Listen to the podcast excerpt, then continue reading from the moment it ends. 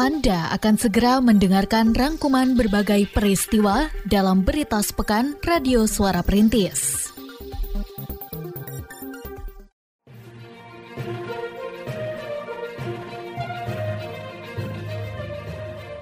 Berita sepekan Radio Suara Perintis FM Kota Sukabumi.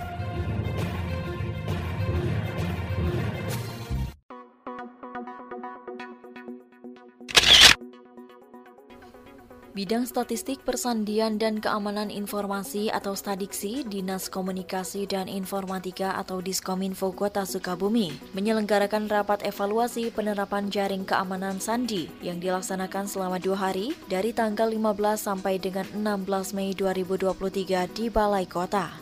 Kepala Diskominfo Kota Sukabumi, Rahmat Sukandar, saat membuka jalannya rapat yang diikuti aparatur dari 31 organisasi perangkat daerah dan 33 kelurahan di lingkungan pemerintah Kota Sukabumi, menjelaskan bahwa terkait keamanan informasi, pihaknya telah melakukan beberapa upaya seperti penerapan tanda tangan elektronik yang hingga tahun 2022 telah digunakan oleh lebih dari 20.000 orang aparatur di lingkungan pemerintah Kota Sukabumi. Jumlah pengguna tersebut merupakan yang tertinggi di antara pemerintah kota dan kabupaten lainnya di Jawa Barat. Dari kegiatan hari ini bisa dijelaskan Pak?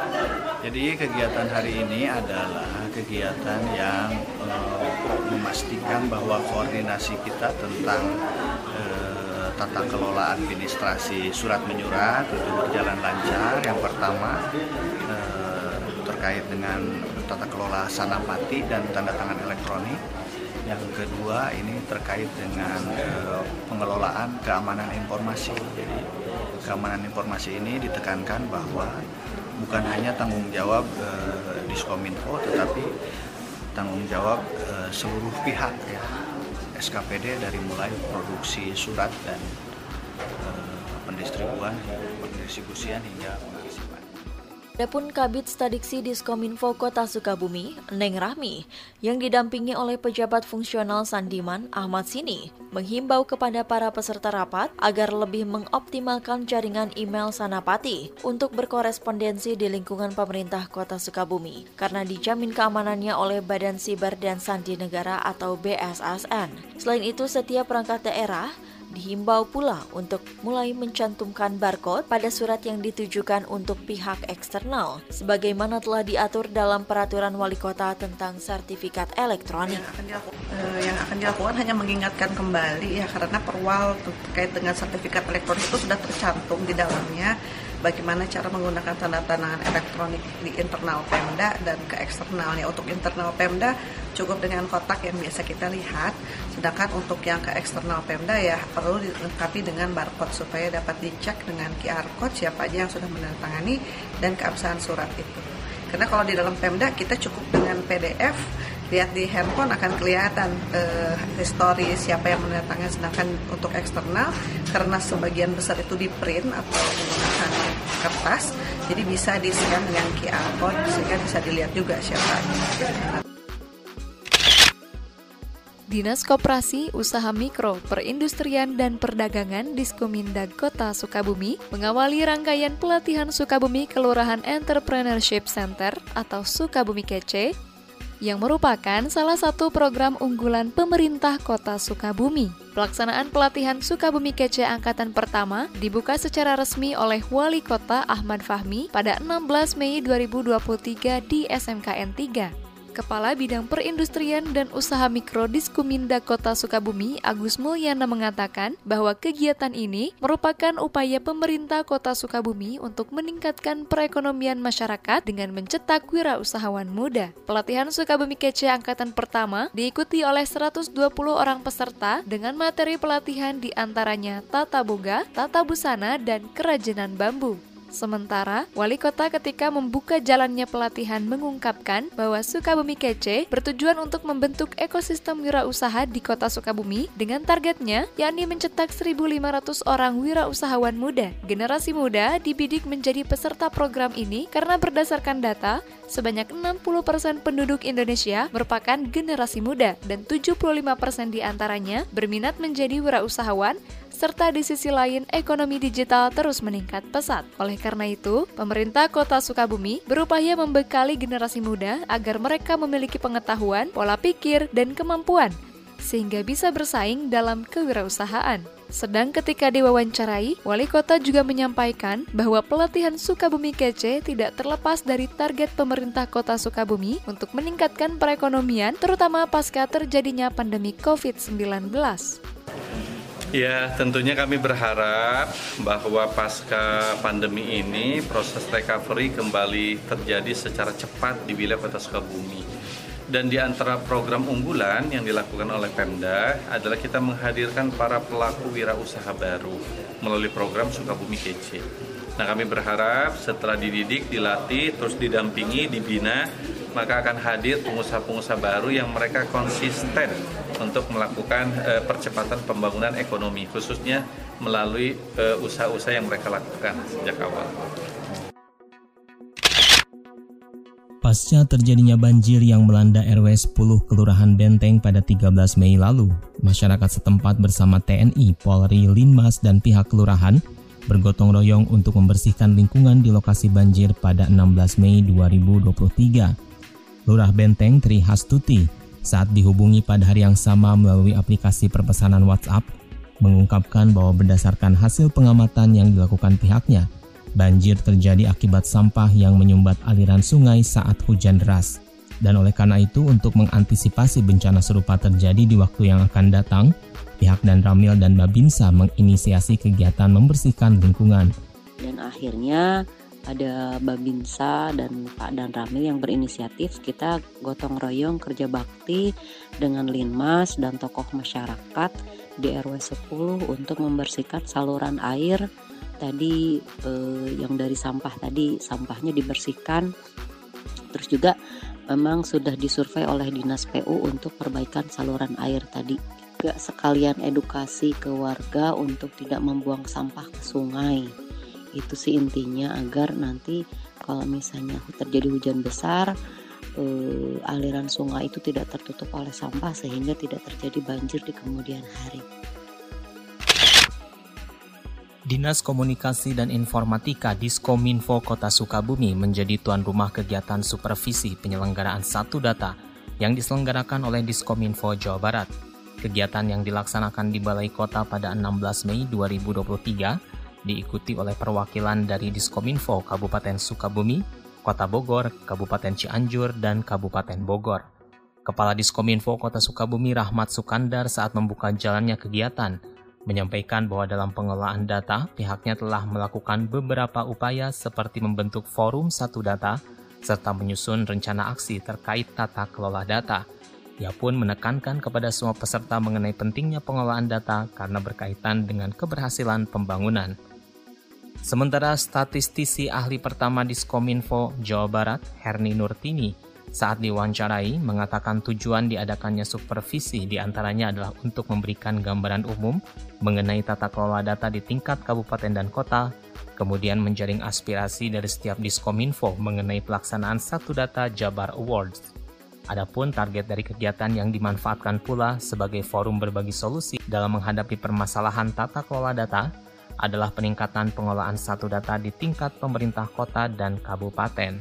Kemudian target dari kegiatan supervisi ini adalah untuk meningkatkan awareness uh, dari kabupaten kota terkait pengelolaan satu data uh, satu datanya di masing-masing kabupaten kota sehingga saat nanti pelaksanaan satu data Jabar Award uh, bisa maksimal gitu evaluasi uh, apa evaluasi pelaksanaan satu data uh, di kabupaten kotanya. Kemudian kalau misalnya untuk hal-hal yang perlu ditingkatkan dari kabupaten kota mungkin lebih ditingkatkan lagi uh, inisiatif dalam uh, menghadapi permasalahan karena permasalahan yang dihadapi oleh setiap kabupaten kota itu tentunya berbeda-beda. Namun dengan adanya kegiatan ini kita bisa saling sharing. Kantor ATR BPN Kota Sukabumi meluncurkan berbagai inovasi layanan dan akses informasi pada 17 Mei 2023 di Hotel Santika. Peluncuran tersebut dihadiri pula di antaranya oleh Wakil Wali Kota Andri Setiawan Hamami, Kepala Dinas Komunikasi dan Informatika Rahmat Sukandar, serta para awak media. Kepala Kantor ATR BPN Kota Sukabumi, Surahman, pada kesempatan tersebut menjelaskan bahwa dihadirkannya inovasi layanan dan akses informasi yang dijadwalkan mulai dibuka pada awal bulan Juni merupakan upaya mewujudkan visi misi ATR BPN untuk menjadi institusi yang berstandar dunia dengan menerapkan sikap melayani, profesional, dan terpercaya. Adapun inovasi yang diluncurkan di antaranya adalah Larasita atau layanan rakyat untuk sertifikasi tanah, Kemudian pelataran singkatan dari pelayanan pertanahan akhir pekan yang dijadwalkan dibuka setiap hari Sabtu di kantor ATR BPN. Inovasi selanjutnya adalah weekend service, yakni layanan ATR BPN setiap hari Minggu di Lapang Merdeka, dan lapis atau layanan pengantaran sertifikat tanah gratis. Ya intinya itulah. Intinya itu nanti kami akan buka di mall atau buka di kantor kelurahan atau kantor kecamatan, di mana aja nanti kita terjadwal akan di share di media sosial kami sehingga masyarakat bisa uh, apa bisa mungkin awal 1 Juni lah kita akan memulai itu karena kita harus uh, perizinan segala macamnya akan kami siapkan dulu. Ini baru juga selesai. Kendaraan juga yang tadi Namru ya, kasep ya namanya. Uh, gitu. Ya mudah-mudahan pemerintah kota Sukabumi juga memperhatikan BPN Sementara Wakil Wali Kota menyambut baik hadirnya berbagai inovasi layanan dan akses informasi tersebut karena sejalan dengan keinginan pemerintah Kota Sukabumi untuk memberikan kemudahan pelayanan kepada masyarakat. Ia pun menghimbau kepada masyarakat untuk mengurus sendiri kebutuhannya dengan memanfaatkan berbagai inovasi kantor ATR BPN. Ini satu inovatif yang cukup bagus dalam memberikan pelayanan kepada masyarakat dan inilah yang kita inginkan sebetulnya. Bagaimana pelayanan yang cepat, tidak berbelit-belit, memberikan kebutuhan kepada masyarakat sehingga masyarakat mendapatkan kepastian keduanya bagaimana negara pun mensertifikatkan. Jadi jangan sampai ada kesan bahwa sertifikat itu susah. Silakan tadi sekarang mungkin launching yang di Baros ya, di Baros itu berapa kelurahan, empat kelurahan, ya. itu KTSR.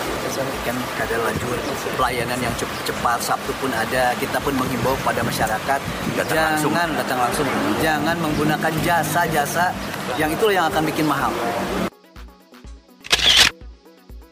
Kantor Kementerian Agama Kemenag Kota Sukabumi menggelar pelatihan yang diikuti oleh para ketua regu, karu, dan ketua rombongan karom jemaah haji pada hari Jumat 19 Mei 2023 bertempat di ruang pertemuan Kemenag. Kepala Kantor Kemenag Kota Sukabumi, Samsul Puat, dalam sambutannya ketika membuka jalannya pelatihan mengatakan bahwa kegiatan ini bertujuan untuk meningkatkan pengetahuan, profesionalisme, dan tanggung jawab para karu dan karom saat memimpin jemaah melaksanakan ibadah haji. Ia pun mengingatkan mereka untuk bersikap proaktif ketika melayani jemaah. Sedangkan Kepala Seksi Pelayanan Haji dan Umroh Kantor Kemenag, Abdul Manan, menjelaskan bahwa para jemaah haji Kota Sukabumi yang tergabung ke dalam kelompok terbang Kloter 38 Embarkasi Jakarta Bekasi akan diberangkatkan pada 6 Juni 2023. Seperti dijelaskan lebih lanjut, kloter ini merupakan bagian dari gelombang pertama jemaah haji Indonesia dan akan mendarat di Madinah terlebih dahulu sebelum diberangkatkan ke Mekah. Ia pun menjelaskan bahwa dalam proses pemberangkatan 250 orang calon jemaah haji Kota Sukabumi sejauh ini berjalan lancar seperti dengan telah dilunasinya biaya penyelenggaraan ibadah haji atau BPIH.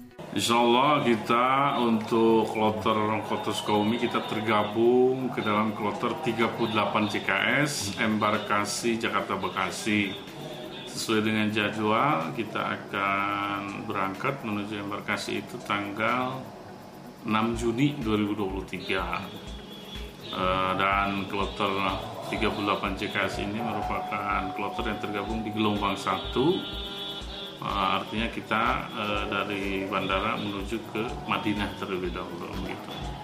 Dan untuk jumlah haji yang berkat tahunnya berapa orang? Kalau berdasarkan kuota kita insya Allah 250 orang dan semua sudah melakukan pelunasan insya Allah ya. Kemudian nanti karena kita satu kloter itu 374 maka kita digabung dengan jamaah Kabupaten Bandung.